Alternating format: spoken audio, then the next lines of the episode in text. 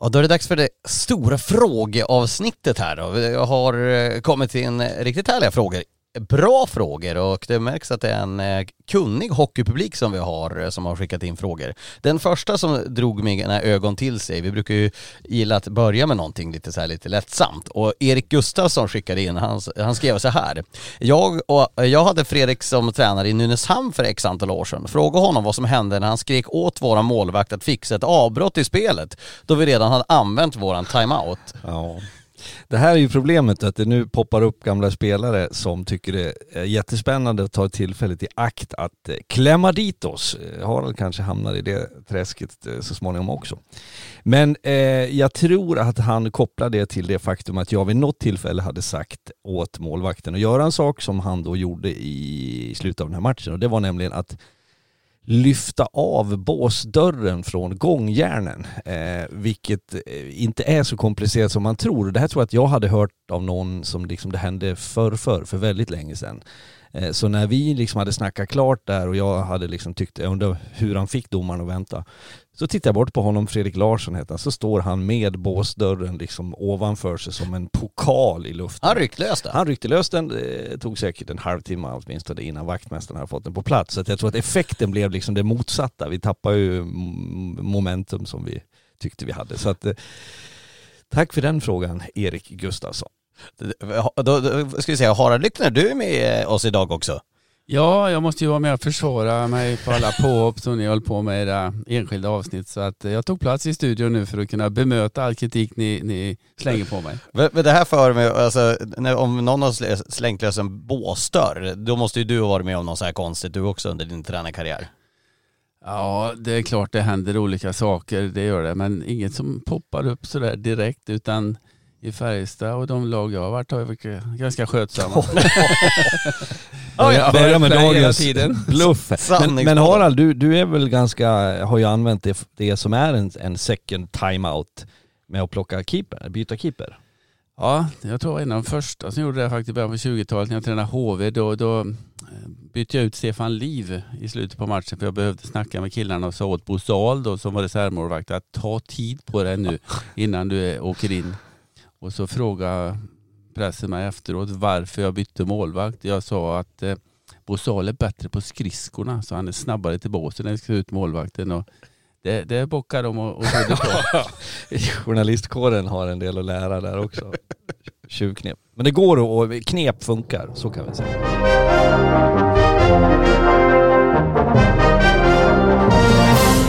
Och då är vi igång när vi kör igång då den här frågespecialen. Erik Gustafsson fick då skicka igång det här och jag tänker att vi börjar på lite inslaget tema för det är ju vissa frågor riktade till dig Fredrik, vissa är frågade, riktade till dig Harald och det är ingen som vill undra mig någonting.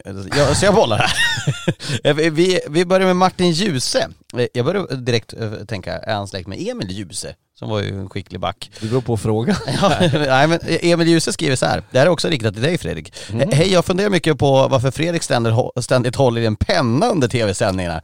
Tänkte i fredags då på att uh, på att han då heller såg ut att ha något att skriva på. Vad är pennans funktion? Jag skulle säga att det är helt enkelt, jag har en tendens att vifta med armarna. Jag, alltså jag har ett eh, livligt kroppsspråk, så lite italienska vanor och det där, ibland tycker jag själv att det ser överdrivet eh, passionerat ut. Så jag tror att pennan gör att jag, jag får kontroll på, på armarna. Kan det vara så? Jag, jag vet ju inte riktigt. Ja det ser ut som du, du leder en orkester i ja, Vad heter han? Anders, eh, den här kända som viftar i Melodifestivalen. Anders Berglund. Anders ja. Berglund ja. Jag Nej, tror men... det håller takten på Lars. säga ja det, det, är det. Det är för att hänga på Lars i hans... Ja marionettdocka egentligen. Ja, nej men eh, det är nog eh, det är. Nog det, det är. Jag, jag inser det själv och jag får nästan panik när jag inte har en penna. Eller så vill jag se lite in, liksom smart ut, jag, jag, vet inte. Jag kan ju säga det också, den här pennan har gjort ganska, alltså våran rekvisita, nämligen studiebordet har ju, det är ju, det, är ju, det faller ju sönder snart för du har huggit i där och slagit och ja, ja, Det, är inte, det är inte lätt alltså. Ja, men det, det, jag håller, jag tror jag ska summera, jag har koll på, nu sög jag tag i den här också. Ja du direkt Jag, jag får liksom bättre kontroll på men, och jag tror att det är en tränarskada. Väldigt ofta man som tränare står med en penna i handen. Whiteboard. Gjorde du det Harald? Penna eller kortkort eh, Man måste ju hålla i någonting. Exakt. Det, det är ju det som är grejen. Du håller ju dina såna här korten som du läser innantill i. Ja, det är någon trygghet på Ja, något visst sätt. är det så. Eh, vi kan ju, det är nästa fråga då från Anton AKJ92 på Twitter. Han frågar vad är det för kontrollpanel med massa, pa- massa knappar som står bakom podiet? Såg det när ni förberedde HV Modo i fredags vid eventuell uppgång för HV. Vilka spelare bör de behålla? Då sa du två frågor. Så den första frågan är då helt enkelt, vad är det för kontrollpanel? Du brukar ju stå där och göra dig lustig över den här ibland. Ja, jag kan ju trycka på en hosta-knapp så ni blir tysta. Nej, men det är alltså någonting som vi har som arbetsredskap. Dels att kunna prata med bussen utan att det går ut eh, ljudet. Dels få information från bussen vad de tycker vi ska lägga tonvikt vid och fråga om eller vad det nu kan vara. Och dels om man skulle behöva hosta, då, då trycker man på en knapp så inte det kommer ut i etern. Så att eh, det är lite avancerat i början, det vet Fredrik, Ja. men eh, efterhand så lär man sig. Eh, Man kan höja ljudet på olika ställen också när det- någon pratar för högt, pratar för lågt och så vidare. Senast, senast igår så fräste jag till dig Lars, hur får jag ner Harald och Stefan? För då hörde inte jag bussen. Alltså som, som pratade med mig. Så att, Och den här bussen som vi pratar om, det är alltså en sändningsbuss där det sitter producenter, bildproducenter, redaktörer, grafiker, ljudpersonal och som inte är en buss. Nej, det är ju en långtradare. Ja, varför säger man sen? Det har jag tänkt på sen jag började i tv, varför Ja. det heter buss. Och vissa saker kommer man inte att få svar på. Det är så enkelt, det har jag också lärt mig. Eh, Men där finns det ju alltså sådana här knappar, där kan man också ställa hur mycket, eh, det finns ju någonting som heter i-ljud, det är alltså atmosfärljud. Hur mycket vill man höra av publiken? Liksom att leva sig med i det och så vidare. Så att det används den till. Eh, Och då med tanke på Antons fråga så kan vi fortsätta den då med eventuell uppgång för HV71. Vilka spelare bör de behålla? Det här kommer vi komma in mer på på nästa fråga. Men det är ju klart att det är ett arbete nu med tanke på att Johan Hult då inte ska vara kvar. Johan Lindbom ska bygga ett lag för framtiden. Det här är ju ett, eh, en jobbig tid. Ja, det är en jättejobbig tid och framförallt för de lagen som håller på att kvalspela för de vet ju inte vilken serie de spelar nästa år och att de är sist ut på marknaden. En eventuellt sjunde avgörande finalmatch, eh, Hockeyallsvenskan här, går ju den 6 maj. Då är det väldigt, väldigt många lag som under en månads tid har kunnat jobba med sin nästa trupp.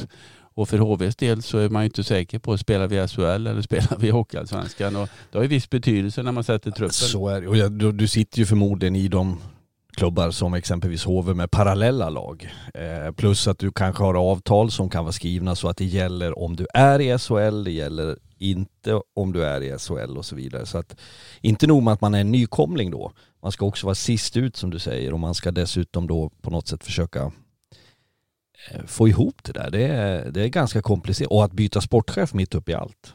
Ja men nu har ju HV en, en helt annan roll i, i hockey-Sverige så jag tror skulle HV nu gå upp så kommer ju inte de göra som Oskarshamn och kanske Timrå går upp att ja, vi tar ett år för att etablera oss. Nej. Utan HV de kommer ju att satsa då för att vara Topp tre. topp ja, top Ja, fyra lag ja. tänkte jag säga för att de har ju den historiken att de har vunnit SM så sent som 2017 så de vill ju inte ha ett mellanår utan de vill ju steppa upp direkt och vara med och kriga högst upp. Och plus skulle jag också säga, de spelarna som kan vara intressanta av de som är där idag, de vill man ju också se i ett slutspel. Eh, alltså det är ju där du kanske ser den främsta karaktären, att, att vara liksom, vi har alla sett spelare som är ganska skickliga under de här första 52 omgångarna. Det är en sak, men du, du vill ha de som också klarar av när det står så mycket på spel och leverera. Så att jag tror att det finns säkert namn där som man idag funderar över det är liksom tveksamt, det är 50-50 läge. Låt oss se nu i ett slutspel. Sen kommer vi ju senare in i det här avsnittet också på världsläget, vad som händer med, med flödet av spelare. Så att en, en ganska komplicerad situation, marknad skulle jag påstå att det är just nu. Men många förstår ju heller inte vilken skillnad det är på ett slutspel och en vanlig serie. Här kan du alltså bli stående mot samma kille sju matcher i rad. Eh, och då är det spel, mentalt spel mellan eh, spelare hela tiden. Och det är en helt annan typ än den man kör under 52 omgångar. Så att lite andra förmågor eh, kommer fram då och vissa klarar det bättre och vissa har svårare att hävda sig. Mm. Eh, det här leder oss ju in på den frågan som ju flest har ställt med överlägsen marginal. Jag läser upp några av dem som har, har, har skickat in den här frågan eh, med vissa omskrivningar då såklart. Eh, Martin Eriksson, Kasper Anfeldt Wulf, Erik Enarsson, Henrik Andersson, Fredrik Nilsson. Ja, det är några av dem som har ställt frågan. Men eh, frågan lyder ju så här. Eh, hur kommer det att påverka SHL och Hockeyallsvenskan då ingen kommer vilja spela i KHL? Om fel lag går upp i Schweiz innebär ju det med att säkert 100 spelare ska in i övriga ligor. Berätta hur ni tänker om det. För det första, vad är fel lag? Ja men visst är det så i Schweiz helt enkelt. Det här fick jag förklarat av mig av eh, någon person som kunde det här bättre. Eh, men det är väl så att Klåten och vad heter det andra laget? Som också kan gå upp. Ja, Olten Olten. i mitt gamla lag. Ja exakt. Men visst är det så att eh, om eh, du inte går upp och inte har rätt ekonomi så utökas inte spelare, alltså att man får ha internationella spelare från tre till sex. För det kräver att någon av de här lagen går upp. Så har jag förstått det. Mm, ja det är möjligt, jag har inte full Ja men så, så Ja, är det i alla fall. För okej. att om Ja. Klåten eller Åten går upp, då Ja. utökas det att man får fler importer. Ja, ja. Går de inte upp, då blir Ja det men det är, det är i alla fall en väldigt skarp diskussion där nere eh, på, på antalet utländska spelare. Jag tror säkert att läget just nu kommer påverka deras beslut i det. Men om vi för en eh, kort stund lämnar det faktum så är det ju så att det som skulle kunna bli, jag tror att vi pratade om det i någon SHL-sändning jag var med nyligen, att det är 34 svenskar i KHL. Sen har du finska spelare och du har Tjecker. tjecker och så vidare. Ja, Eh, nordamerikaner framförallt. Verkligen. Och de vill ju spela på en bra nivå. De vill tjäna bra pengar. Och det här kommer ju att påverka situationen i svensk hockey utan tvivel. Det som jag tror, min korta liksom tanke direkt är ju att det är färre hockeyallsvenska spelare, betydligt färre som kommer få en chans att kliva upp. Eh, vilket är synd. Eh, man går på namn. Kostnadsbilden kommer bli högre. Det är min liksom enkla slutsats. Ja men så är det. För mig är det att backa bandet 15-16 år innan KL blev till. Då, då hade vi en väldigt stark liga i Sverige beroende på att eh, de bästa finska spelarna spelade i Sverige på grund av skattesystemet. Att där borta fick man inte avsätta mer än 15 procent av bruttolön till pension. Det får man avsätta i stort sett hur mycket som helst i Sverige. Så det var förmånligt. De tjeckiska, de slovakiska och även som vi nämnde kanadensiska amerikanare eh, som inte platsade i NHL var i Sverige. Och det medför att kvaliteten var mycket högre på ligan, inget snack om det. På den tiden var det knappt några svenska spelare som kom upp, utan snarare tvärtom spelare som kom ner. Och det blir väl något mellanting på något sätt den här säsongen som kommer skulle jag tro, men sportcheferna sitter ju i en rävsax nu hur man ska hantera den här situationen med tanke på att man inte vet vad som komma skall. Ja men och jag tänker spelarna, jag menar det är ju många spelare som säkerligen har stått med, med ett eh, bud utomlands, kanske gått och velat lite grann, fundera, valt att avvakta med sin klubb här hemma. Nu helt plötsligt kanske det inte finns någon plats. Jag, jag tänker bara så här, jag, jag, man börjar ju spåna när man ser det. här. Jag kollar på Djurgårdens trupp till exempel. Jag menar det är ett gäng eh, som skulle vilja flytta hem till Stockholm. Adam Reideborn, Filip Holm, du har ju eh, John Norman bara för att här, droppa några tillsammans med Brodin och, och Kryger. Jag menar, börjar du ta de platserna och så sen då ska spelare bli över. Det är ju exakt som nu eh, häller på champagneglaset. Det rinner ju neråt och det här kommer ju jag menar, vi, vi ska ju inte slå fast någonting, men det kommer ju om det här blir, vilket ju alla tror om världsläget, för det är ju svårt att se att KHL kommer att öppna upp för att spelare kommer vilja åka dit. Både med Ry, Ruben som har fallit och omvärldsläget så innebär ju det här att eh, SHL och Hockeyallsvenskan kommer ju att hålla en högre kvalitet. Ja, och jag tror dessutom du ska lägga in det faktum att vi har haft två år, två år av pandemi som också, även om inte det har gjort någon skillnad om du har bott i Schweiz under en pandemi så, så, så tror jag det får människorna att, att tänka i ett större perspektiv. Man vill vara hemma, man vill vara nära eh, sina, sin familj och sina vänner. Det har liksom fått även hockeyfamiljen att tänka lite längre än bara pengar och äventyr. Eh, och sen kommer det här som nu sker i världen också liksom ytterligare på det. Och det, det då finns det en trygghet i svensk hockey så att jag tror att det kommer bli mer omvälvande än vad vi tror, den effekten.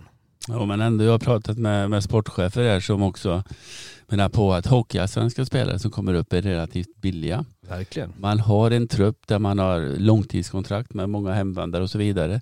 Och de här KL-spelarna, de, de tar ju inte en hockeyallsvensk spelares lön. Nej, Utan de har ju fortfarande en budget att följa. Ja, Så, så att eh, där sitter de. Visst, vi vill ha spelare men vi har inte råd att betala allihopa. Eh, det kanske trycker ner så lönekostnaden också. Det Ja. som ett tag har varit spelarnas marknad har ju, kommer ju förändras till att man inte har så mycket mer att på något sätt eh, spendera. Så att, eh, och sen valen i det där också. Jag tycker det är värt att belysa det må vara väldigt skickliga hockeyspelare men, men det vet vi ju om, inte minst du och jag Harald som tränare, att det handlar inte om att ha så många individuellt skickliga spelare som möjligt utan det handlar om pusslet. Vem accepterar att vara i en tredje lina? Vem spelar en checking line? Vilken back är boxplay specialist? Eh, och det är inte nödvändigtvis så att någon från Ryssland eller Schweiz är lämpad för den rollen så att det kommer lite utmaningar med det här också. Eh, vi ska bara flika in här att det här är en hockeypodd så vi, vi pratar ju hur omvärldsläget påverkar hockeyn så att vi, vi lägger liksom inte allt för många brasklappar nu. Ni fattar ju själva att vi sitter inte här och, och bedömer omvärldsläget och vi pratar rent hockey här bara så vi har förtydligat det. Men eh, det här borde ju betyda så att det är sportchefernas marknad just nu. Ja, kan man väl säga va? Ja, men återigen, det är många lag som inte vet var de spelar. Nej. Vi ska mm. ha kval neråt, vi ska ha kval uppåt. Jag pratade med Hult när jag var där nere. Han är ju i och för sig avgående sportchef, men du har Tedenby, du har André Petersson, du har Fantenberg. De har ju också ett gäng som, som kan bli tillgängliga mm. för, för den klubben och, och, det är klart många vill ha in dem där. Så att eh, nej, de, de sitter nog och kliar sig i huvudet nu, sportcheferna, och funderar på hur, hur ska vi agera här. Eh, och med tanke på sportchefer då så glider vi in på fråga som vi har fått av eh, Leilas pappa från Peter H, Lasse P och eh, det är dessutom två stycken spelare i Hockeyallsvenskan som jag kanske inte ska nämna då som har skickat in den där frågan också men det, det tyckte jag var lite roligt. Eh, vilka, vilket lag har störst chans att slå HV71 i en eventuell final? Eller kanske tidigare i slutspelet och varför just det laget? Och här ska vi väl vara ärliga med att säga att vi har skiftat lite grann. Vi svänger fort i ja. pingpong. Nej men det är ju en, en högst relevant fråga och framförallt med tanke på att vi, vi har ju börjat se nu är det de här lagen som går in i slutspel. Det kommer inte att förändras så då kan man ju börja se lite mer skarpt på frågan. Vi var i Örnsköldsvik igår och eh, jag har ju sagt någon gång under säsongen att, att Modo har den högsta, högsta kapaciteten i ligan. Det var innan Kelleher, det var innan Miles Powell ska jag säga och HV ser ju ruggigt starka ut nu. Men Modo då? Om HV då har växt så är ju min känsla lite grann att Modo har bekymmer, ja men lite bekymmer faktiskt. Ja, de hade ju bra kontroll på läget vill jag påstå när Modig spelade med, med, med Woodster och Vignot. Det var en riktigt bra kedja. Sen håller ju inte det över tid. Alltså en hockeyspelare kan ju inte vara i toppform åtta månader i rad. Utan det går ju lite upp och ner. Nu har de fått Svenningsson avstängd sex matcher och han var en viktig kugge i andra kedjan där med, med Karlsson och Ågård också. Så, så att eh, det har de inte riktigt kommit över riktigt. Även om de tycker de var hyfsat bra igår men eh, de klarar inte av HV förra fredagen. Så att eh, Modo har en liten utmaning att höja sig. Ja. Det finns kapacitet där men de måste höja sin nivå om de ska utmana HV. Och dessutom tycker jag att HV har en, äh, förlåt, Modo har en tendens att eh, några minuter, allt från några minuter till en, en, en period eller två i varje match tappa konceptet lite grann. Och det där är jag tittade lite extra på det igår från våran position där nere mot båsen och jag ser att det finns en liksom lite frustration också bland spelarna när man sätter sig i det här lite onödiga. Och det, man har råd att lösa det men i ett slutspel så blir du väldigt mycket hårdare straffad på det. Så att på ett spelmässigt sätt skulle de också behöva vara lite mer konsekventa och inte bjuda in till så mycket problem. De har ju börjat matcherna väldigt dåligt många gånger och hämtat upp underlägen. Det tror jag inte man klarar av i längden i ett slutspel. Nej.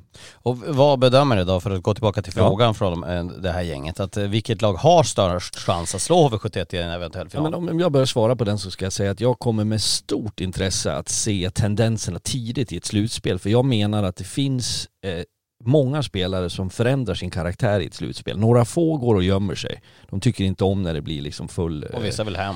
Ja, eh, medan andra har, älskar det här älskar sitt slutspel. Plockar fram det absolut bästa man har och på så sätt bidrar till lagen. Så att vilka, vilka lag kan liksom ha flest, flest sådana spelare som, som, som tar den platsen? Eh, Modo har vi pratat om länge som, ja men de skulle kunna utmana. Nu sitter ju istället Björklöven eh, på flest eh, positiva egenskaper för stunden. Ja, jag håller med dig definitivt här Fredrik. Jag tycker eh, Björklöven eh, är det hetaste kandidaten för mig just nu med tanke på hur de uppträtt de sista matcherna. Vi ser på spelarna, de mår bra, de, de har fått ner axlarna, de använder sin individuella kapacitet och spetskompetens. Sen är det ju så i ett slutspel, du nämnde vissa spelare kliver fram och andra inte. Ta Jämtin, ta Ledin, ta Kåberg, den typen av spelare som man inte lade märke till under 52 omgångar men klev fram i ett slutspel. När jag var i Modo hade vi Döme och Blattnit som tog hand om det här trashtåget och, och psyka motståndarens bästa spelare medan lagets bästa spelare, typ Jörgen Jönsson och Davidsson och de här kunde liksom koncentrera sig på själva spelet. Så det mentala spelet ja. är ju mycket, mycket starkare. Sen tror jag också att man måste ha en väldigt bred trupp. HV har alltså eh, nio backar, 15 forwards. Det hade Björklöven i fjol. Och jag tror att det kommer gå åt spelare med skador, med avstängningar och så vidare under 7 plus 7 plus 7. Du kan i får spela 21 matcher. Ja. Och det är tätt på. Och det är väldigt tätt på. Så, Men- så att det krävs att Det du det. verkligen Men- har en formtoppat lag. Och som jag är inne på, målvaktsspelet måste vara perfekt. Powerplay, boxplay kommer att vara väldigt avgörande. Kärnspelare, nyckelspelare måste driva laget. Och sen då hantering av skador och sjukdomar. Ja. Hanterar du de fem punkterna, då står du där väl rustad. Och jag ska bara lägga till på, på Björklöven som vi har som exempel här, att där, säg typ Rahimi, Wiklund, Fredrik Andersson. Det är ju spelare som, som jag har förväntningar på i ett slutspel att, att liksom visa karaktär och vara oerhört jobbiga att möta. Det kan ju ge plats för de här nordamerikanerna, transatlanterna som, som, som Björklöven har. Tittar du på deras poängliga idag så är de sex första spelarna svenska spelare.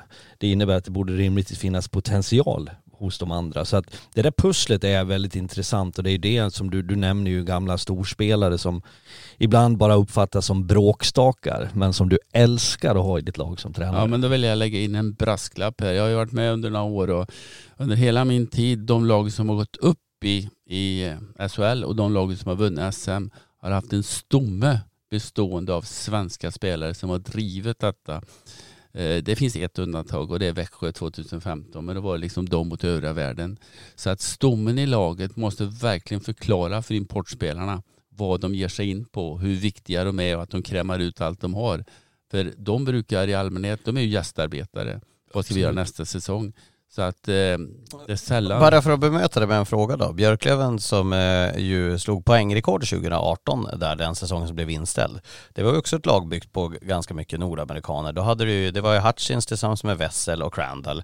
Back, eh, backsidan så hade de ju Brian Cooper tillsammans med, eh, vad heter han, Zach Palmqvist bland annat. Och eh, Joe Canada i mål. Det var ju liksom, det var ju den ledande kedjan men det, det var ju ganska mycket nordamerikaner i det laget också. Men är det skillnaden då att då var det verkligen första femman? Det är där, det är där som skillnaden är. Ja, de gick väl inte upp eller va? Nej men det var ju inställt men de slog ändå svensk poängrekord den säsongen. Jag tänker bara för att flika in Ja, och jag ska, motpart ja, ja, absolut. Och jag ska också tillägga att jag har haft genom åren ganska mycket importer. Eh, vi hade ju Oskarshamn något år, eh, en hel drös. Så jag, jag har ingenting emot det, men jag vet att det kan uppfattas som att jag sitter och tycker att man ska inte ha dem. Man ska definitivt ha nordamerikaner, men det Ja. ska vara toppspelare och de ska vara, som är inne på, de ska vara väldigt införstådda med det svenska sättet att spela ett slutspel och vad som faktiskt gör skillnad. Jag kan uppleva att i vissa andra ligor så vinner du på någon liksom skön eh, stjärna. Det gör du inte i Sverige. Det är liksom bevisat att du måste ha eh, den här massiva gruppen. Ja men så är det ju. Men där borta har de ju inte det systemet vi har i Sverige. Att åka ur en serie, det Nej. vet ju inte vad, de, de Nej. vad det är för någonting. Och de förstår inte innebörden av hur många människor som drabbats av att laget eh, ramlar ur en serie. Eh, jag tänker att det här leder oss in på TMs fråga, Main Warig 09 eller något sånt på Twitter. Det- det- Main Warig, jag lägger Vad är det? brasklapp för uttalet. Eh, nej men han, ställer, han säger så här, Söderström brukar prata om Lövens lag att det är för många första femmor som enligt honom tydligen inte är så bra. Men när det gäller HV så har de en bred trupp eh, trots att deras fjärde femma troligen skulle vara en toppkedja i många HA-lag. Vad är skillnaden? Eh, eh, jag- Är han, är han sur på mig? Det, han lät arg. han lät arg. Ja, eh, Har du fått din för, eh, första riktiga hater här? Attacken är fram. Nej men så här tänker vi, det, det berörde vi alldeles nyss om jag, om jag förstod frågan rätt. Mm. Så ska jag förtydliga min, min, mitt förhållningssätt till det här. Det är att ett, i samtliga framgångsrika lag, det är min bild av det jag jobbar med och det jag har sett och mött, så är det en tydlighet i från uppifrån och ner. Vem är nummer ett och vem är nummer 22? I stort sett så är det så. För det innebär att du också sorterar ut rollerna mycket tydligare. Du accepterar rollerna, det blir en det blir ett mycket lättare sätt att arbeta för ett lag. Man litar på varandra på ett helt annat sätt än att du har liksom ett det här lite osäkra från dag till dag och det är väl det vi har pratat om Björklöven för jag gissar att det var där, det var där liksom frågan hade sitt ursprung. Och som jag säger, jag säger det en gång till, topp sex är svenska spelare i poängligan. Inte för att det behöver göra allting fälla alla avgörande, men titta i andra lag, där har du en mycket tydligare, stjärnorna levererar. Punkt slut. Och det tycker jag att HV är bättre på, om, det, om man nu jämför de två med varann. Mm. Håller du med Aron? Ja men jag håller med där just att det måste vara liksom klart, klart rollerna i laget och, och vilka ska spela powerplay och, och ge dem stöttning och så vidare. Några måste vara nöjda med att spela boxplay. Några måste vara nöjda med att ta bort motståndarens bästa kedja och, och liksom förstå att det uppskattas att du sköter din roll för att kunna vinna matchen. Det får inte sitta spelare som är sura för de inte får, får spela powerplay eller spela avgörande lägen och så vidare.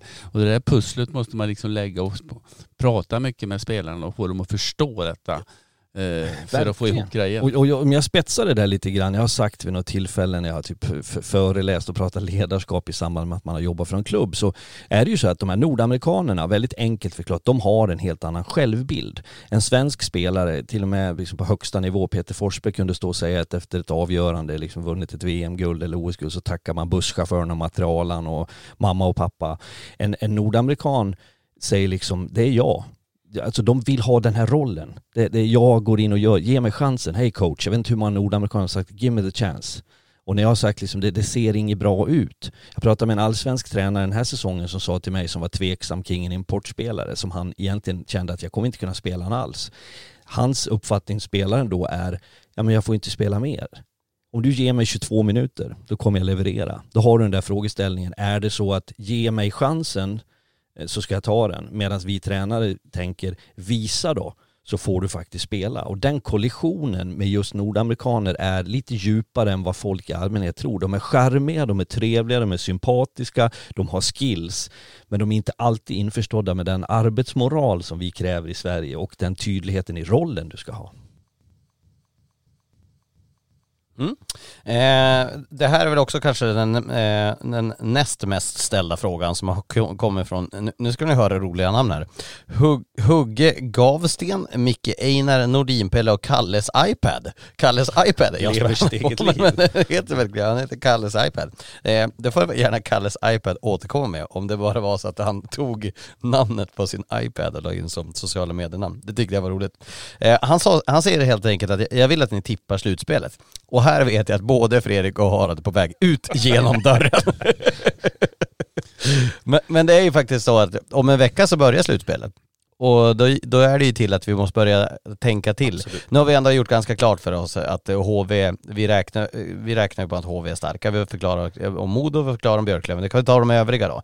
Karlskoga, om vi börjar där då för att tippa slutspelet, så är Karlskoga, det är ju fortfarande ett jättebekymmer att Henrik Björklund inte spelar. Eh, Henrik Larsson skada nu också, som jag har hört är besvärande. Han kommer säkert kunna spela, men som säkert kommer hämma honom. Eh, vi får se exakt vad det gäller. Eh, och ytterligare spelare som har varit borta, Willem Westlund har varit borta och, och eh, ja, fler. Gustav Fransén missade någon match här nu nyligen också. Så att om vi går igenom de som vi ja. inte har pratat om, men, men Karlskoga, Björklund, aj aj aj. Känslan är att Karlskoga måste få ihop skador problematiken och spela upp med fullt lag från start om de ska vara med och utmana. De har två väldigt, väldigt bra målvakter. Ja. De har fått in en import här, Roa, ja, som jag är väldigt ut. förtjust i. Oh, Tycker att han har, har verkligen tryckt upp det där laget. Tillsammans med Rekkonen nu så, så bildar han en väldigt vass andra kedja där Franzén är center. Och det innebär att de har två väldigt producerande kedjor. Men sen är det 7 plus 7 plus 7. Alltså i fjol höll de på att utmana Björklöven men de fick ju knappt ihop tre, tre femmer på slutet där i den sjunde avgörande matchen. Skador. Så att eh, jag tror bredden på den truppen, Daggen är borta nu bland annat, så, så kanske det blir svårt att hålla hela vägen ut. Men annars är det ett lag som jag tror väldigt många inte vill möta just med ja, av hävd så ja. vill de störa favoritlag. Så är och jag lägger till två saker på Karlskoga som jag tycker talar till deras fördel. Det är defensiven. Jag tycker att man är väldigt systematiska och konsekventa i sitt försvarsspel. Målvakterna ligger inför igår etta och tvåa i, mm. i bland målvakterna. Det, det är ganska fascinerande. Volden visste vi är bra. Eh, Helgens med har överraskat. Det kommer också ur, utan att ta någonting av dem, från ett bra försvarsspel. Man släpper inte till så, så vansinnigt mycket chanser. Och den andra delen jag skulle addera var, som du touchar vid, men alltså kulturen. Finns det någon, något samhälle i Sverige som älskar slutspel och kvalspel mer än Karlskoga? Jag tror fan inte det. Ja men alltså, jag det går inte att förklara hur mycket jag längtar till att höra ett fullsatt Nobelhallen. Det, det, jag tänkte en fredagkväll, Nobelhallen. Den ligger under med ett, ett, ett, den ligger under med 0-2 så har gjort två raka och så sen där är det några som har varit Kuckeluras på parkeringen i bilarna. Exakt. Läckert. ja, det, det ser man fram emot. Nej, man ska inte ta bort eh, publikens betydelse här som vi saknar så oerhört i, under hela fjolåret. Och jag vet att du har fått en fråga om det där Mm. och det ska inte förringas. Nej. Alltså, vi var i, i Jönköping, ett fullsatt Husqvarna Garden, vilket tryck. Vi har varit i Umeå också med, med ett fullsatt enormt tryck. Och samma här i Örnsköldsvik som vi, som vi gjorde här igår så, så blir det något helt annat när det är fullsatt. Och spelarna får ju energi Ja, av detta. Det ska vi faktiskt ta med. Jag, jag tänker på det där nu när vi ser publiken som vi har haft nu senaste matcherna, mycket folk jämfört med när det inte fick vara någon. Ja. Alltså det var ju galet. Tänk Jag att vet- jag och Harald hade hela slutspelet i fjol när man det stod och känns för undrade. mig helt obegripligt. Och jag hade tränarrollen som i Schweiz. Jag vet i slutspelsmatch, vi tog timeout. Då fick vi ställa materialare närmast motståndarnas bås som fick stå och typ Jojka. prata högt. Ja, för att inte motståndarna skulle höra vad vi sa vid timeouten. Alltså det, det går ju på bisarra delar. Sen kan man ju ställa sig frågan vilka arenor som är för det tycker jag är intressant när vi reser runt som vi gör nu. För mycket publik, 6000 människor i en hall är inte samma som 6000 i en annan. För det beror på akustik och hur nära du kommer. Och där är ju Jönköping, som vi fick vara med om mot Modo, det, det, det är byggt på ett sätt så trycket kommer liksom Ja. ner. Eh, Den är bättre byggd än, än fjällräven till exempel. Den, den, Ja, är, den, är, den är mer påstå det. öppnad uppåt liksom, Ja. att ljudet försvinner lite uppåt. Men, men eh, sen fjällräven när det har varit derby mot, uh, mot Björklöven har, har det varit vansinnigt tryck där inne. Och sen är det ju de här eh, moderna arenorna med liksom röda mattor och, och eh, dricka cava och prosecco i en loge. De, det ger ju inte någonting till isen. Det är jättetrevligt säkert Mm. att sitta där men, men någonstans finns ju något charmigt med de här klassiska äldre Ja men typ Nobelhallen då, Ja. där det är liksom en, det är en cementläktare av ståplats hela långsidan. Plus att där eh, så bidrar ju ståplats verkligen mycket. Ja. Eh, Och den är ju stor. Ja. Och i Västerås där, det är ju fortfarande en plåtskjul som de spelar i. Det är en hockeyarena men det är ju omringat av ett plåtskjul.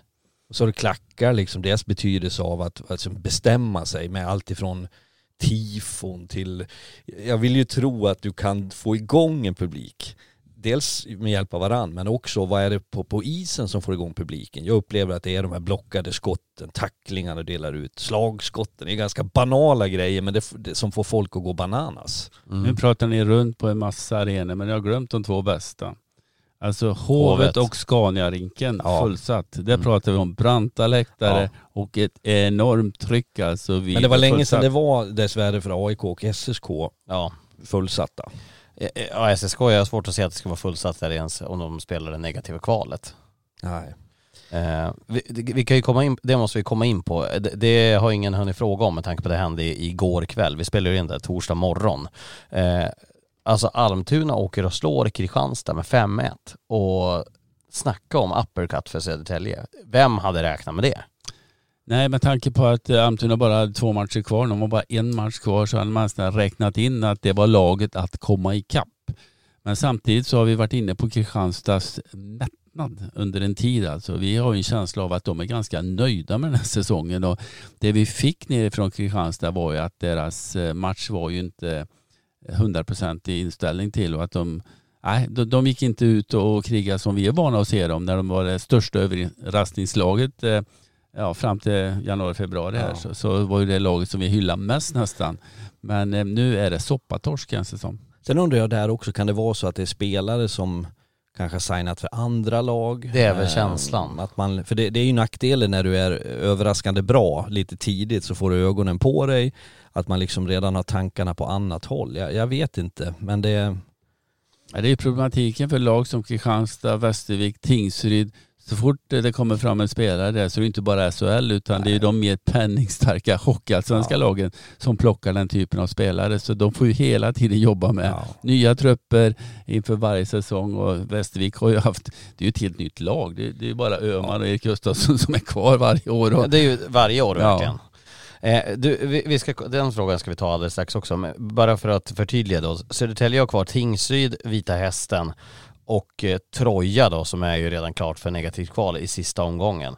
Och på de matcherna måste de då ta fler poäng än, eh, än eh, Almtuna som har en match kvar och det är Västerås som ju då kan vara helt avsågade. Det måste man ju också ta in i backningen. Västerås ska ju då inte ha någonting att spela för.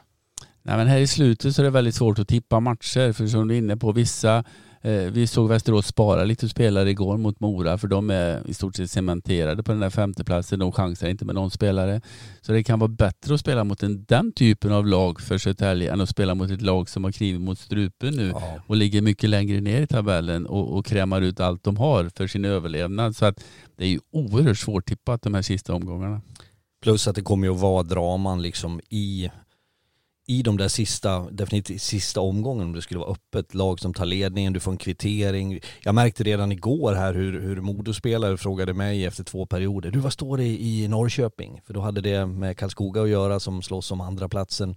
Så att det, det kommer liksom att den här tippningen som jag har varit usel på hela säsongen, är jag den första att erkänna, är ju stört omöjligt nu. För att det, det kommer in andra faktorer. Ja, det ska avgöras alltså ut på isen. Så är det. Det har vi lärt oss genom åren och det är många experter som tycker och tänker. Ja, Och det tyder ju på ett väldigt stort engagemang men samtidigt så är det väldigt svårt att tippa. Eh, William Kryger på Instagram är en av de som eh, frågade om just Västervik som vi var inne på där en sväng. Eh, vad säger ni om Västerviks säsong? Eh, det är den första delen av frågan. Och det andra är, hur kommer de att klara sig utan Emil Georgsson? Ja, det återstår att se. För det första, Västerviks resa under alla tio åren med Kalin är ju med beröm godkänd. Det är, ju en fantastisk resa de har gjort. Eh, Georgsson spelade först, kommer in som sportchef. Jag vet att Kalina har, hjälpt till väldigt mycket med rekrytering, men det visar ju Georgsson att han är kapabel av att klara av fortsatt. Och återigen väldigt, väldigt bra, framförallt med importen och de lyckas under alla år. Men, men ingen är oersättlig säger man, men det är klart, börja om, börja om, börja om. Det, det, det är en tuff uppgift. Dessutom så har man ju, vilket är lite orättvist, där tappa publik. Ja. Eh, de har liksom dåliga siffror på, trots att man försöker så gott det går och man levererar ändå ganska bra hockey i näst högsta serien. Så att jag tror att det är viktigt att Västervik sluts samman och att man är enig om att man ska vara på den här nivån. Det finns också planer på att bygga en ny arena till, jag tror att det var 2024. Så det, det får liksom inte gå ut för där. Nej men så, så är det. Men, men nya arena tror jag nästan är ett måste för att Ja, locka publik där. Det, det är inte så Nej. bekvämt. Man får vara inbiten fan för att gå dit. Ja, och dess- det är kallt där Ja, inne. och det- dessutom bara en isyta. Jag tänker Ja, för det ungdom och juniorhockey och arrangera turneringar och kupper och sommarhockeyskolor och sådär. Det, det är en intäktsfråga som, som du, du måste hänga på det racet nu.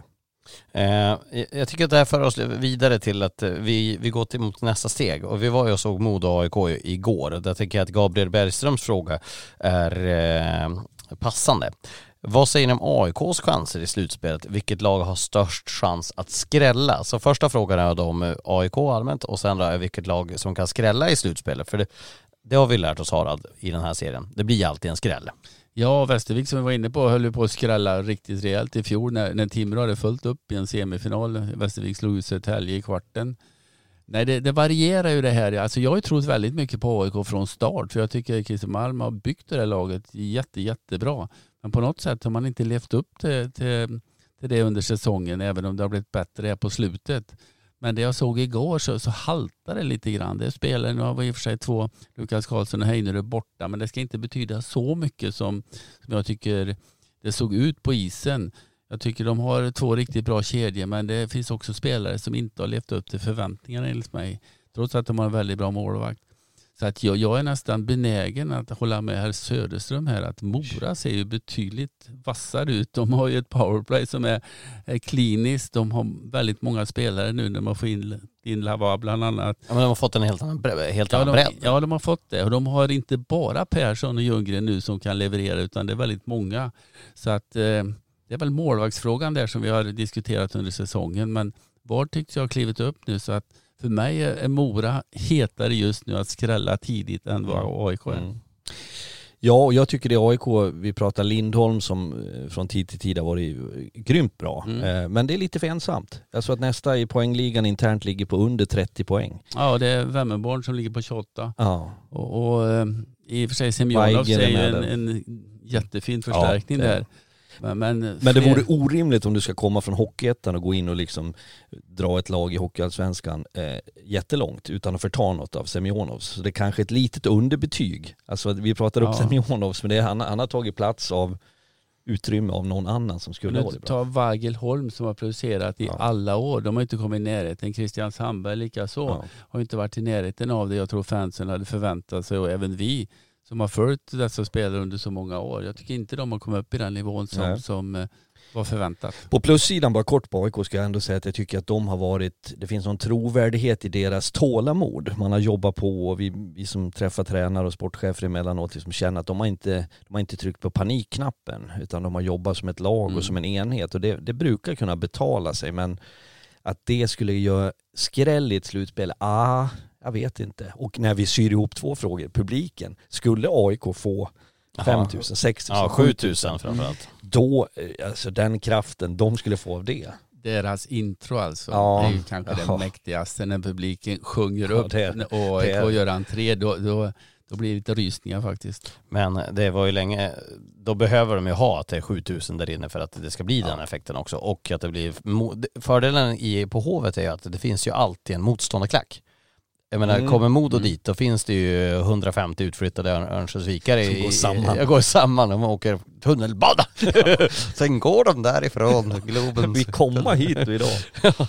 Sjunger de det? Vi komma, vi komma. Som Ja, men det, det värsta är ju när Leksand är där, för de har ju mer, det finns ju mer leksingar än vad det finns eh, både Djurgården och Kort- AIK. Ja, det var att ta i med, men Äh, men så är de är kort, stora där. kort ska jag berätta en match, Leksand, eller AIK-Leksand, vad kan vi prata, början på 2000-talet när det var kval. Ja, så då jobbade jag åt Leksand som juniortränare och så, så klubbledningen var med ner, det skulle gå ett, liksom, jag vet inte hur många bussar det var, men på Globen var den. Och säg att det var, jag ska inte höfta men, men det är över 10 000. Jag tror inte att det var fullt på Globen men det var, det var över 10 000. Och en majoritet, först kommer då liksom eh, Leksand in på isen tror jag det var och liksom hela Globen exploderar. Och sen kommer AIK in som har hemmaplansspel och, och det bara buas, alltså bisarr upplevelse. Mm. Och Leksand vann också den matchen så Leksand är ju bra på det, men jag skulle också även säga de här norrländska lagen, det känns som att de, eh, Skellefteå, Björklöven, Luleå, när sådana lag är i Stockholm och spelar, då blir det någon patriotism hos de här eh, norrlänningarna. det? 08 Nu ska Ja, ja men du ska visa, nu ska vi markera liksom och så håller de ihop och det är ganska Ja, fascinerande. absolut. Ja, det brukar vara det. Både Luleå och Skellefteå till exempel i SHL har ju oftast de har, ja men någon supporterdel Ja. som an, anordnar stora event när de är där nere. Så att, eh, Fjollträsk. ja men det exakt det som, Det är någon markering. exakt det folk säger i Norrland. Det är, nu ska ni till Fjollträsk här. Ja, men eh, ska vi vända på det resonemanget om hockeyn ska vara stor så är det ju faktiskt så att vi behöver ju lag i Stockholm. Alltså. Vi kan inte tappa Djurgården.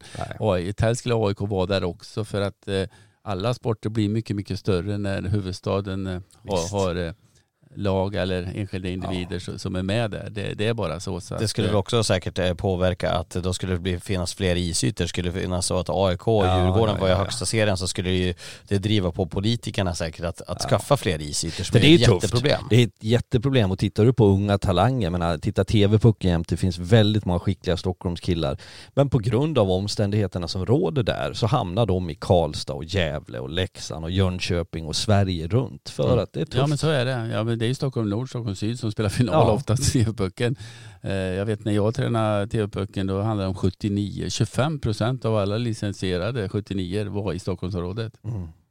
Ja, det, är- det är helt de har ju för lite isytor alltså. Det, där har de ju jättetufft AIK, Djurgården och Hammarby med flera. De, de är ju, eh, jag tittar Jönköping, fyra isytor på den lilla stället med, med flera ställen. Så att eh, de jobbar i motvind verkligen och där måste ju politikerna hjälpa till. Alltså de måste ju få möjligheter att, att eh, bedriva sin, sin Men verksamhet. hur kan det ha blivit så här? Alltså, jag menar, visst att idrotten, har, vi har ju inte ens haft en dedikerad idrottsminister i må- många år, men liksom hur, hur kan det vara så att Stockholm, trots att de har producerat så mycket och, sto, och så stor del av vad, vad svensk hockey är när det kommer till talanger, att inte politikerna är med? Det är helt horribelt.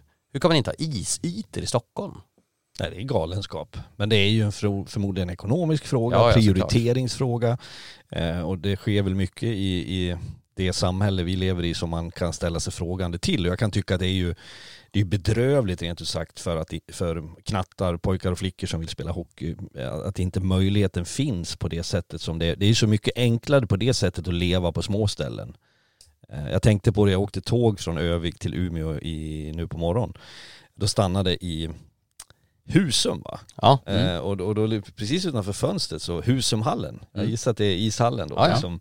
Och så tänker man, visst för sjutton, Husum ja, de har ändå varit med, det känner man ju till och har lite koll på att det, det är som litet samhälle, det finns en ishall, tillgängligheten, åka skridskor blir bra. Det är så mycket svårare i Stockholm och det ska man ha förståelse för. Så därför är det som du börjar med Harald, nu ligger Södertälje pyrt till.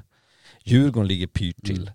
AIK har ju haft lite svårare tider. Eh, Det skulle vara väldigt illa för svensk hockey. Det skulle vara förödande faktiskt. Men jag menar jag, jag har varit med i det här i hur många år som helst och den här diskussionen har varit sedan, under alla Ja. tider. Isytor i Stockholm. Och, och Bostedt och, och förbundet och, och AIK och AI Djurgården som klubbar har ju jobbat med den här Mm. frågan i alla år men de stångar ju huvudet i väggen hela tiden och det händer ingenting. Men jag upptäckte en grej, eh, när vi var, kommer inte ihåg, men det bodde på hotell i Solna, här genom Seymour på något sätt. Och då promenerade jag bort mot det Mall of Scandinavia. Ja. Och där ligger Ritorp. Och senast jag var på Ritorp så var det en hall. Eh, och så hade jag tid över och tänkte jag går in och tittar om det är någon liksom knattehockey. Nu var det tre eller fyra ishallar vägg i vägg. Mm. Så det finns ju någon positiv Mm. utveckling också men det, det är inte på långa vägar tillräckligt. Men jag blir glad att det, att det finns ändå initiativ som kan påvisa och det var konståkning och det var liksom allt pågick där ismässigt. Så att, eh, Men med tanke på att Stockholm växer med typ så här 10 busslaster om dagen så, så är det klart att det, det, det blir inte tillräckligt. Men det är bra att det görs någonting i alla fall. Vi ska inte fastna i den där frågan. Jag kan ta som exempel i Värmland, ta Munkfors ta Grums och sådana här ställen så, så är liksom ishallen öppen så ungarna går dit efter skolan och, och liksom spontanåker innan en, en, träningarna på kvällen Ja. börjar. hockeyfritids heter Ja men det på blir vissa som ett ställen. fritids, att man, man går dit och umgås där och Ja. Det, det har inte de möjlighet att göra som bor i, i storstan och framförallt då Stockholm. Nej, eh, på så sätt. Flytta ut från storstäderna. Eh, Oj. Det blir ur, motsatt urbaniseringspodd här. Eh, Ludvig Aronsson, Ludvig Gurka på Twitter, 94, Ludvig Gurka 94, han säger det att det pratas inte så mycket om Västerås inför detta slutspel. Vad ser ni eh, i Västerås spel som kan bli farligt för andra lag och vad behöver Västerås förbättra för att gå hela vägen? Och vi börjar med frågan så till att börja med, för Västerås har ju, ja men de har haft, nu är ju Frycklund tillbaka, Jimmy Jansson är tillbaka, det är ett jättestort orosmål där också, vi har ännu inte fått höra någonting, hur är det med Johan Gustafsson som var skadad, skadade sig mot HV förra lördagen? Vad tänker ni? Ja, Västerås är en liten gåta för mig den här säsongen för jag tycker man har spänt bågen väldigt högt. Man har uttalat mål att inom tre år nå SHL. Man eh, tryckte upp laget ordentligt i den här, för- inför den här säsongen. Men jag tycker att de har en väldigt, väldigt hög högsta nivå. Det har vi sett bland annat när de ledde med 7-0 mot HV efter halva matchen och många andra matcher. Men lägsta nivån har ju varit alldeles för låg. De, de blandar och ger otroligt mycket. Ja. Och det är någonting som de måste förbättra för de har ju på pappret Ja, första kedjan där med, med Frycklund som, som center är ju riktigt vass. Jag menar Skedun, Wikman, Anton Svensson är ju ingen dålig andra kedja. Ja. Eh, jag, jag tycker de har ett ganska komplett lag och även på backsidan så, så är det bra. Jimmy Jansson har fått hjälp av Gunnarsson bland annat. Vi har Östman som har klivit upp och så vidare. Och så JG i mål. Det, det är ju på pappret ett väldigt starkt lag men på något sätt har man inte fått ihop grejerna fullt ut för mig. Nej, och jag tror så här, de här tre åren man börjar prata om, det var rätt. Sen kommer det här och jag vet att det är jättetråkigt av mig att prata om uthållighet och liksom att man ska tänka långsiktigt. Ja men här håller jag faktiskt med dig på Ja. något sätt. Eh, och, Oj. Ja, nu Är ni kors i taket. alla, ju alla bara, vad hände? Vad hände där? Vi, vi är 10 mars, det var då det, var då det Ja, ja, to- torra tränare jag har och, och du håller med oss. Men det Nej. roliga var att han sa det innan du sa det. Ja, ja, ja, precis. Så du vet inte, du kommer Det var kanske som backa. när vi hörde i, i fredags när, när Stefan Klemens, vår goda kollega, han, eh, Stefan Klemens är ju en fantastisk kommentator, men han, han, han, liksom ga, han gav sig inte ut alldeles utanför Nej. boxen jämt. Och då i HV-matchen så stod vi där nere och så hade ni startat igång matchen du och Stefan har på kommentatorsplats. Och så sen hör man Stefan, "Arr, toppmatch! Och jag och Fredrik, jag, jag hoppar där? till, var ju nästan på väg ut på isen, bara stanna nu, måste avbryta matchen, vad är det som händer? Clemens har tappat greppet. Ja.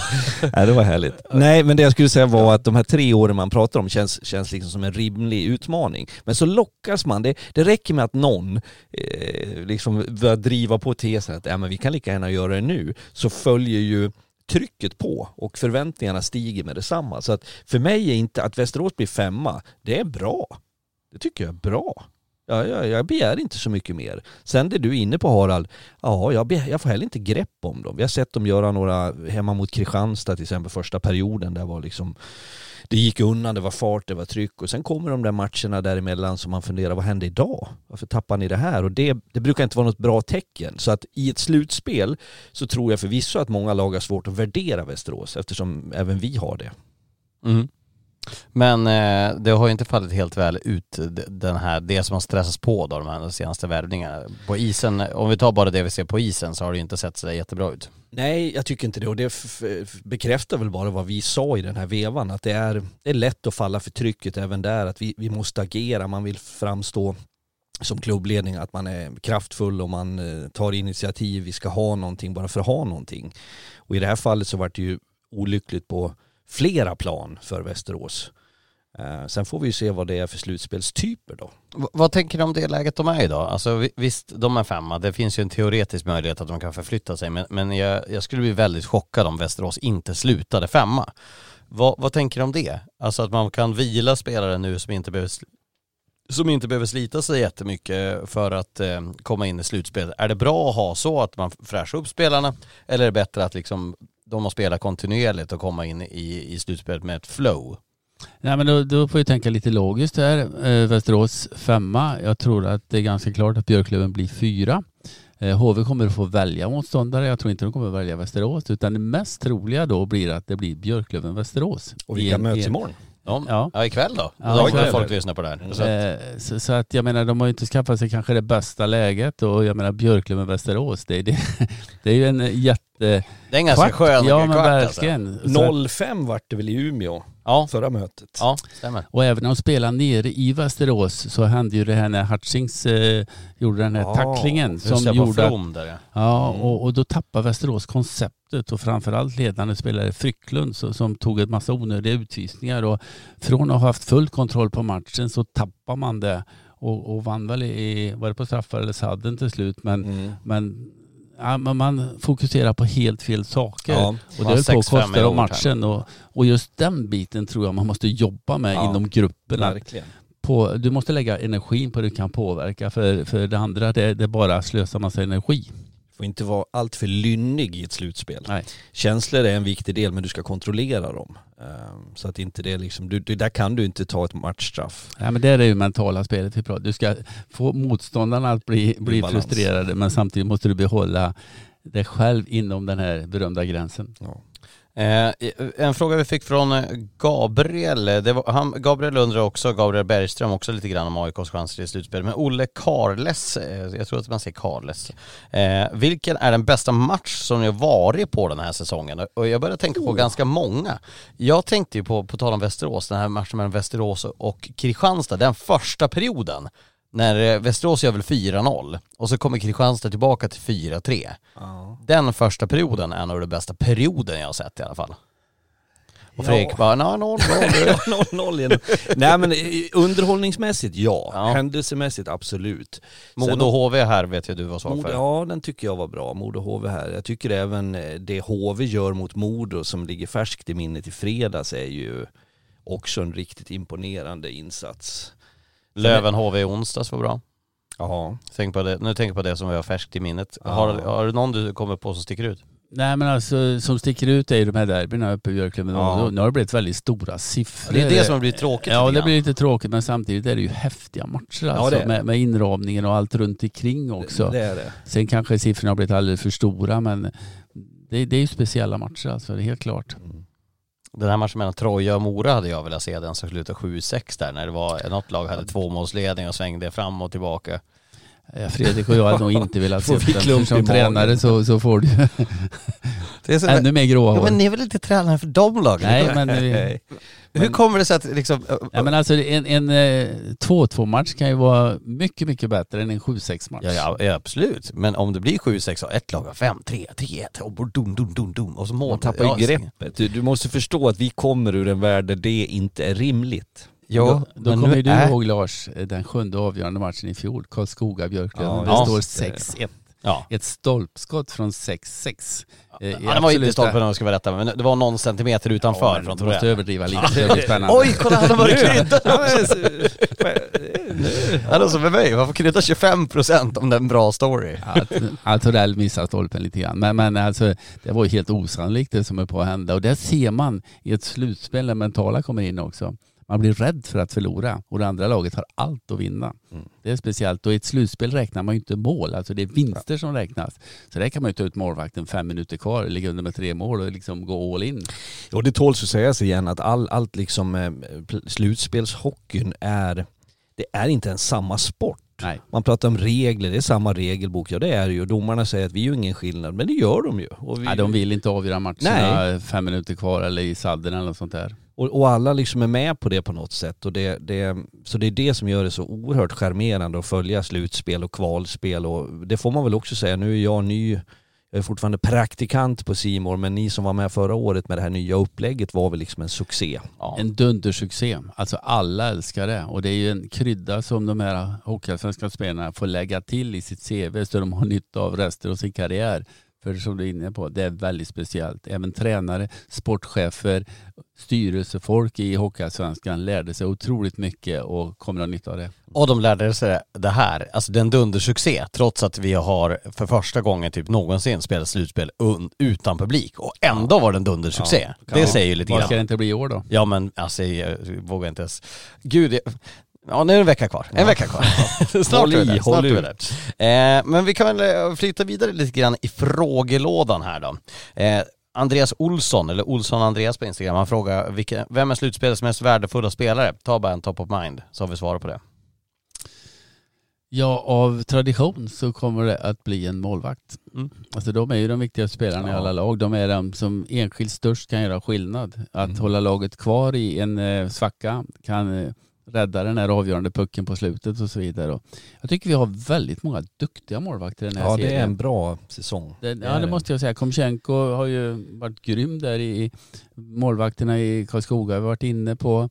Nu har ju då Voutalainen blivit klar etta i Björklöven, Tex Williamson, Mm. Gunnarsson är väl där nere så att eh, någon av dem eh, kommer att bli hjälte tror jag. Sen tror jag också, även om inte det hjälpte på samma sätt, men de här Niklas Torp-typerna, eh, alltså solida, tuffa gubbar som, som kommer ha blåa armar och knän men, men som fortsätter jobba. De, för sen är det så här, vad är MVP liksom, vad är värdefullt? Är det den som gör väldigt mycket poäng? Det kommer ju också att ritas om liksom, en ny poängliga nu. Eh, vilka, vilka sticker ut där? Och vilka klarar av att leverera där. Ja, det, är- det är intressant. Det, det, det tycker jag som hockeytittare också att man ska, eh, supporter ska lära sig att det som känns så självklart i november eller januari på en spelare, våga tänka om, starta om era liksom sinnen också och notera vilka är vilka gör skillnad i ett slutspel? För det kommer att gar- garanterat att förändras. Ja men det tror jag. Sån som Rahimi till exempel. Ja. Du har Wiklund uppe i Björklöven. De tror jag kommer att bli väldigt viktiga Mm. där. Eh, spelare som kanske inte är så flashiga i vanliga fall. Du nämnde Torp här. Det finns ju hur många som helst som, som eh, ja, de, de Mm. är Det här är spännande att följa.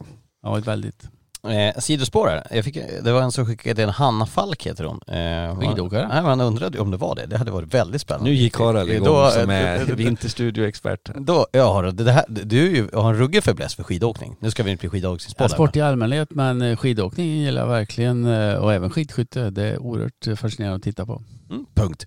Eh, nu blir ju släkten Öman omtalad lite nu och då skriver Hanna Falk. Eh, vi har ju Oskar och Viktor i Troja, Stefan uppe i Umeå. Men det finns faktiskt en till som är aktiv i Hockeyallsvenskan, lille Hampus Falk i Vita Hästen.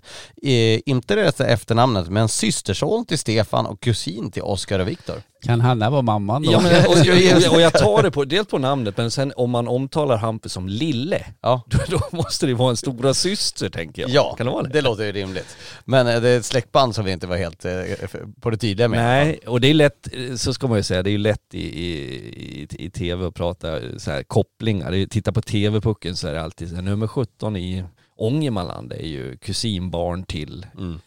Bosse Berglund. Så det är ofta man drar kopplingar. Och det är ju intressant, det är bra tv. Och det finns ju ganska många spännande hockeynamn i Hockeyallsvenskan. Ja men så är det ju. Det är inte så konstigt. Jag menar många, må- tror jag. Ja men många barn är ju uppväxt i ett omklädningsrum och det är inte konstigt att man börjar med samma sport som pappa gjorde Nej. och så vidare och så vidare. Och det finns ju oerhört många kopplingar generationer bakåt Ja, ja, ja. In, inom vår sport och det finns ju andra sporter också. Att, eh, Absolut. Malin Baryards barn är intresserade av ridning vore inte så konstigt. Eller, Åh, fan. You name it. så, så att eh, man styr ju barnen lite grann som Ja förälder. det gör man. Och sen ska man ju, det där, jag växte upp med en pappa som har spelat hockey och jag vet ibland så tyckte man att det var jobbigt att bli jämförd. Mm. Eh, och så fanns det de som sa att man fick fördelar. Jag, jag tror nackdelarna tyvärr överväger ibland för att man, man jämför så folk kan vara liksom kritiska och du själv tar på dig någon sån här. Men det som är fördelarna det är att du får miljön. Du får lära känna människan och du får mycket liksom på köpet av det. Så att eh, det är, finns sämre miljöer att växa upp i än hockeyns. Absolut, det är ju som vi tycker världens roligaste sport. Ja. Eh, jag fick på tal om eh, sportens uppbyggnad. Peter Nor- eh, Norlin skrev en fråga som, eh, den här är ju eh, spekulativ för att säga det eh, minst. En fråga om hockey i allmänhet. Som det är nu så får man långt till båset i period två, vilket ofta leder till långa anfall då det är långt att byta. Borde man, inte, borde man inte byta till att man har långt till båset i första och tredje perioden? Tänker man att man får se fler mål då, plus att det ställer andra frågor till spelarna? Jag har faktiskt tänkt tvärtom. Mm. Jag, jag har tänkt som Håller med. handboll, att du byter bås beroende Mm. på vilken sida du spelar på. För så, så gör man ju där, så det Ja. blir nära till att byta. För det, det blir ju väldigt konstigt i andra perioden måste man säga. Eh, Jag har ju varit med på den gamla goda tiden när man bytte sida i tredje Ja. perioden. Det gjorde man när man var uterinkar Mm. och det fortsatte man med väldigt många år. Nu får du förklara för våra yngre tittare, vad, vad innebär det? Alltså när det slog tio minuter i tredje perioden, då tjöt klockan. Alltså som ett, eh, som ett inte flygande byte nu? Nej, då Förra- bytte man sida. Ja. Så man spelar lika, eh, alltså 30 minuter på varje sida. Det hade väl med väder att göra då? Ja, när vi var utomhus. Ja. Det kunde vara motvind och det Ja. kunde regna åt ett håll och allting. Men det fortsatte man ju med även när det blev hallar då på vissa Ja. ställen. Så att, jag kommer inte ihåg när man ändrade det där, men, men det pågick under en väldigt lång tid i alla fall. Och då var det ju helt rättvist. När, när frågan ställs så tänker jag säga, jag var med i någon diskussion för ett antal år sedan som var så här, hur ser hockeyn ut typ 2050? Mm. Eh, som spekulativt och det var med lite humor i det. Och det som, vi är ju lite konservativa, nej men så här, det ska vara som det alltid har varit. Men så när du drar upp det där, eller det som jag tycker jag fascineras över när man förr i tiden, den här regeln med rödlinjen att inte målvakten får åka över. Ja. Den kom ju så av att när du, du kunde plocka ut målvakten så åkte målvakten över och stod framför motståndarmålvakten. Så då är vi långt tillbaks. Tänk dig att ha en, din målvakt står i offensiv zon. Känns idiotiskt med tanke på att han Nej, gick procentuellt är i skymma vägen. och styra. Ja, Kjell Eh, Svensson var en ja. av de som gjorde det. Precis. Så- Alltså Anton Svenssons... eh, vad är det? Farfar, Va- farfar, ja. det tror jag. Men då tog man bort att de inte fick åka över rödlinjen. Ja.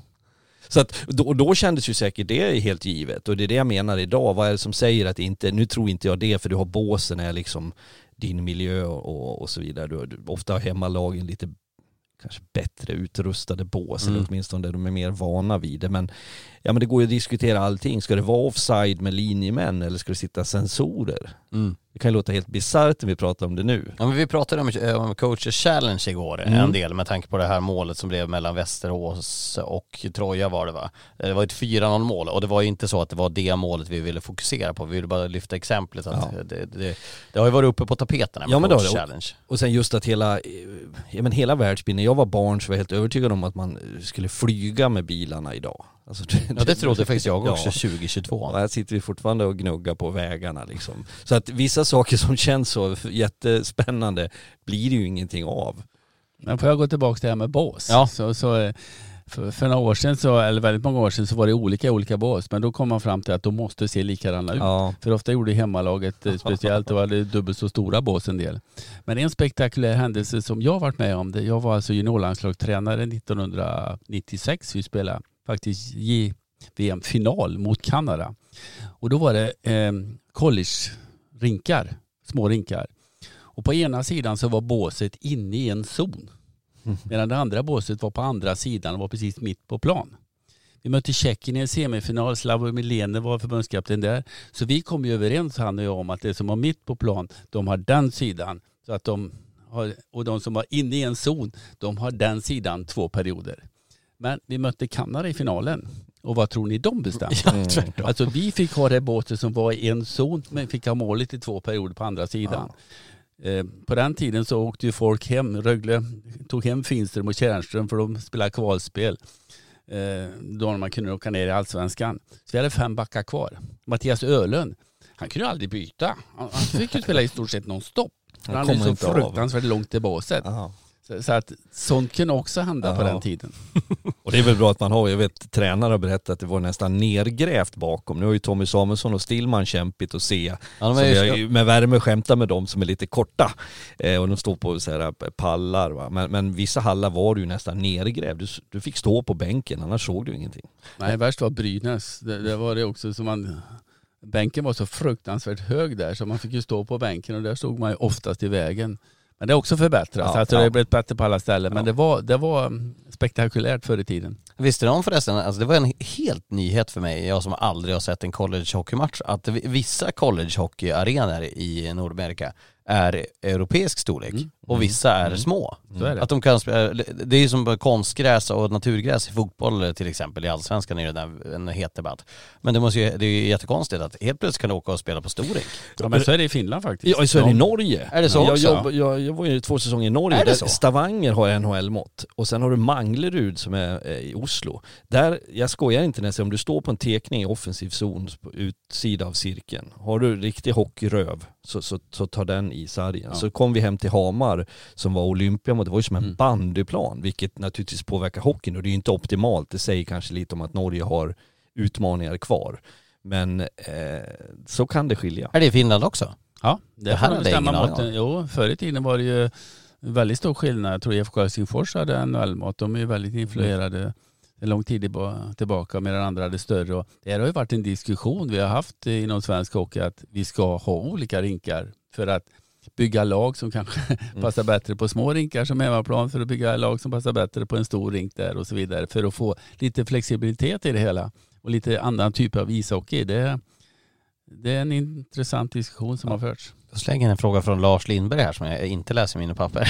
vad, vad tycker ni? Stora eller små rinkar? Jag tycker stor. Ja, jag tycker också stor, absolut. Nu är jag lite gammaldags, men jag tycker det blir för dåligt passningsspel, alltså för lite lir på en, på en liten rink. Jag, jag, är inte så fascinerad av det. Däremot så när jag ser eh, typ VM och de här skickligaste spelarna från NL kommer dit. Jag tycker nästan de trivs riktigt bra. Ni ser Cindy Crosby och de här kan åka och spela tillsammans flera mm. pass och på det sättet luckra upp chanser. Det, det är för mig hockey, det är inte det här lägg in situation, studspuck hit, arbetsmål. Utan jag vill att man ska bygga upp alltihopa med skicklighet. Jag tyckte väl ett tag fanns det, är det några år sedan som det där var liksom på tapeten. Ja. Eh, jag tänker också kostnaderna som det skulle innebära för många oh, ja. mindre... Ska bygga om hela arenorna måste ja. göra i princip. Sen kan man göra som i Oslo, de har ju byggt om Jordal Amphi, mm. stora arenan där, byggt en helt ny. Eh, sen när man hade planerat och skulle sätta igång och börja bygga så var det någon som sa, men vänta nu, den här är ju för liten. Här kan ju inte vi spela eh, med OS-mått så att säga. Så det ställde ju till ordentligt där. Eh, och då var det ju inte bara att säga, men då gör vi den lite större, utan det påverkar hela bygget. Så att med oklarheterna som finns där, jag tror inte det skulle ske i Sverige, så, så blir det missförstånd och fel. Mm. Eh, det här är en fråga som ni båda brinner för. För Emil Hultgren skrev, det, det är nästan som att ni har gått ihop genom under pseudonym, skicka en fråga själva. Nej, men det, det låter som att det är någon som är, jobbar med ishockey eller som är väldigt intresserad på att bli tränare eller någonting i alla fall. Jag har alltid undrat hur man sätter ett spelsätt, spelsystem på försäsongen och hur tänker man där? Skulle vara kul att höra era åsikter om hur man lägger upp taktiken och hur man vill spela. Ja, först och främst så, så gäller det vad har jag för material att tillgå? Många, det är modernt idag att ha mycket puck, eh, spela offensiv hockey, bla bla bla. Men, men, först och främst, både Fredrik och jag har bytt klubbar några gånger och man får ju komma dit med öppet sinne och liksom lära sig lite av vad är det för kultur här, hur har de jobbat tidigare, jag kan inte ändra allt utan jag måste smyga igång. Vad har jag för trupp? Har jag väldigt många skickliga spelare med puck så jag kan spela på det här sättet eller har jag mindre skickliga spelare så jag får lägga större kraft vid defensiven och så vidare. Så att det, det där är ett pussel som tar tid. Att lära känna individer i laget, lära känna helheten och sen får man då, man har ju givetvis en spelidé själv men den får man korrigera åt vissa håll beroende på materialet vill jag påstå. Och för att komplettera frågan som var hur, hur man sätter det och, och på försäsong och sådär så är det ju, jag upplever i alla fall att det har gått från att man kanske när man kliver på is håller på med det här, att man redan under försäsong på teori och man har samlingar med gruppen börjar plantera idéer. Det här är vår tanke. Du kanske även värvar med den. Men tar de här som var stora, Frölunda, Skellefteå som var ganska tydliga med en spelidé och en plan. De, de värvar, ju, värvar ju spelare utifrån sin spelidé för att någon skulle passa in i det. Men man jobbar med det mycket, man pratar om det, det är mycket video. Idag är ju liksom tekniken en extremt viktig grej. Till och med att man filmar träningar, det finns ett system som heter Spideo som allt fler eh, klubbar börjar använda. Modo har ju börjat med det. Det är ju därför Tobias Wiklund bland annat står i båset med en iPad där det sitter kameror i taket som konstant är på. Jag tror att det är åtminstone åtta olika kameror. Som... Men det är inte det här Sportlogic som... Nej, Sportlogic är ju, det, det är en annan sak. Det här är ren och skär kameror som konstant är på. Så innan du kliver ut på träning så slår du på iPaden att ja, nu, nu ska vi ut. Då, då registreras och spelas det in och du byter eh, med hjälp, väldigt enkelt, liksom, du kan se eh, respektive zon, du kan få den mer från liksom läktarplats där du kan följa upp enskilda spelare och träningar på ett sätt som är, som är faktiskt ganska fascinerande. Och jag vet att Frölunda, jag ska inte säga att de gör det nu, men för några år sedan när jag var där tillsammans med hockeyfolk och vi var med Rönnberg och Johan Lundskog var assisterande då så, så hade man en, en ganska stor tv-skärm på hjul som stod i båset. Så när de tränade uppspel, powerplay, styrspel, forecheck, vad de nu gjorde som var, så är det en fördröjning på 45 sekunder. Så när du hade varit på isen och kom in i båset, träningen fortsatte, men din femma kunde då titta på den här skärmen för att se hur, hur såg det ut förra bytet. Eh, det är därför du ser NHL-spelare sitta med iPads ibland. Det är ju inte att de beställer hämtmat till efter utan det är ju faktiskt för att de, de ser sig Foodora gå in ja, eller, eller ha lite ex, extra räkor på den där. eh, så att det, det, det, används ju också i att, att jobba väldigt mycket med spelsystem och så. Eh, sen tror jag att man ska tillägga att man får akta sig så man inte tror att ett spel sätt är liksom, som du började med Harald, det är ju inte ett givet dokument som du bara smaskar upp på bordet och så blir det bra. Du måste ju jobba med det och du kanske måste korrigera under säsong. Eh, det, är, det här är en, en avancerad fråga som skulle kunna ta lång tid. Jag tror också vi ska ha klart för oss att det man lägger mest tonvikt vid är spelet utan puck. Alltså där har du ett system där varje kille har ett ansvarsområde hur du jobbar tillsammans för att erövra pucken på ett energisnålt sätt så att du liksom har kraft att anfalla när du vinner. Eh, framåt så är det väldigt svårt att ha gurkburkar som man hade i handbollen på, på Benga Johanssons tid utan där är det mer den individuella skickligheten som kommer in. Ska du dra åt höger eller åt vänster? Möjligtvis att man är hög tre och vissa positioneringar men där, där kommer ju mer den individuella skickligheten in. Och för mig är det det som avgör matcher, det är inte ett spelsystem utan det är skickligheten som och jag, spelare. Ja, och jag tror att det finns en risk med för kontrollerat spel. Det är att du kväver mm. eh, skickliga spelares liksom förmåga. Blir du upplåst, det är det som ibland kan hända när du går mellan två olika lag, säg i allsvenskan. Eh, så upp, fasiken vad han var bra Eh, blev bra där. Det behöver inte bero på att det liksom eh, socialt är bättre eller att han får mer istid. Man kanske har en friare roll och då kommer hans skicklighet fram. Ja, det måste vara i rätt lag i rätt tid på något sätt. Och en av de bästa exemplen på det är faktiskt Christian Huselius som var i Färjestad som på den tiden hade Jönssonligan. De är ju en Jönsson som center mellan Pressberg och Nordström som var etta. Christian fick inte det utrymmet. Man valde att eh, byta med Frölunda. Radik Hammer som back kom till mm. Färjestad och, och Christian gick till Frölunda och blev en, en av ligans absolut bästa spelare. Öste in mål och poäng men där fick han sitt utrymme som spelare i, för det passar i den klubben. Ja. Det passar kanske inte i Färjestad just då. Ja. Mm. Eh, det, det, känns som att ni hade kunnat prata ett tag om den här frågan så jag tänker ja. att vi börjar dra ner det. Ja. Eh, vi ska summera, för ja. eh, jag har inte tänkt att vi ska bli så mycket längre. Eh, vi ska ju, nästa vecka har vi en hel del att snacka om. Då, då är ju grundserien färdig, då kan vi börja summera, summera vad som har hänt under grundserien. Eh, vi ska också börja blicka fram mot ett slutspel i en större grad, så nästa eh, vecka så har vi en hel del att ta tag i. men det var kul, nu använder vi faktiskt ganska mycket lyssnarfrågor, så ni får jättegärna skicka in det så ska vi försöka ta med så mycket som möjligt. Det är många som vi inte har belyst här, Mattias Bredberg, Erik eh, Götberg, eh, Gabriel Bergström, Kenka, ja det finns eh, bara några av dem här som vi sållade ut som ju faktiskt intressant, bra frågor Ja, från verkligen. hockeykunnigt folk Ja. tycker jag. Eh, och eh, det är väl det vi säger idag. Ja. Inte så mycket mer. Men hör av er till oss på eh, at ringsidepod eh, på Twitter eller på Instagram eller så skriver ni till mig eller Fredrik eh, eller mejla mig. Eh, Det kommer jag kommunicera ut där. Så eh, kör vi fredag kväll då, Björklöven-Västerås. Potentiell kvart ikväll. Ja, mycket talar ju faktiskt för det och det ska bli väldigt spännande. Björklöven som vi själva då tycker har snäppt upp. Mm. Framförallt det där spel som vi pratade om utan puck, deras pressspel var, var med beröm godkänt mot HV i två perioder. Man kanske inte orkar hela vägen ut.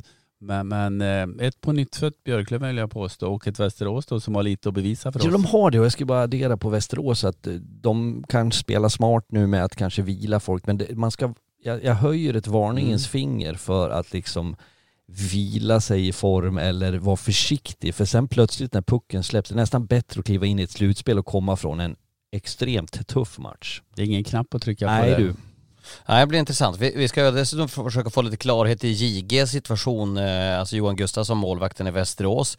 Eh, vi ska höra med Patrik Zetterberg lite grann hur han tycker att det har fallit ut nu, nyförvärven, hur man tänker, hur ser skadebiten ut inför slutspelet. Stefan Öhman kommer till oss i studion, vi ska prata om powerplay, eh, hur det har börjat funka. Han kommer säkert att ta oss i credden där va? Absolut han kommer att prata länge i alla fall, det blir en lång periodpaus. En annan fråga när det gäller Zetterberg det är ju deras överklagan. De Ja. blir av med fem poäng för att de spelar med spelare som inte hade arbetstillstånd. De har överklagat det. Det det måste ju bli ett snabbt beslut för Ja. det drabbar ju då Västervik och inte minst Södertälje. Så, som Och måste... Tänk om de skulle rycka bort de två Ja, men de kan inte göra det på något sätt nu. Jag tycker regler måste finnas. Men, men de har ju överklagat för att få ett statement på det här. Ja. Men, men jag menar förutsättningarna när serien håller på Det att måste ta komma slut blir ju helt annorlunda. Så att det måste ske blixtsnabbt. Jag fick så också höra, apropå överklagan, att, att eh, Modo och Svenningsson fick net. Det Mm. vart nej. De har överklagat men Ja. det blev ingen. Det, man fick inte gå vidare där. så brukar det väl vara. Lagt kort ligger. Eh, men då vet ni att det är ganska mycket intressant den här fredagskvällen och om eh, en vecka är slutspelet igång. Det kan vara ett bra avstamp. Tack för att du var med oss i Ringside-podden. Tack Harald för att du var med oss och tack Fredrik för att du vaknade och inte var morgonsur i morse. Tack Lars, tack Lars. Ta hand om er!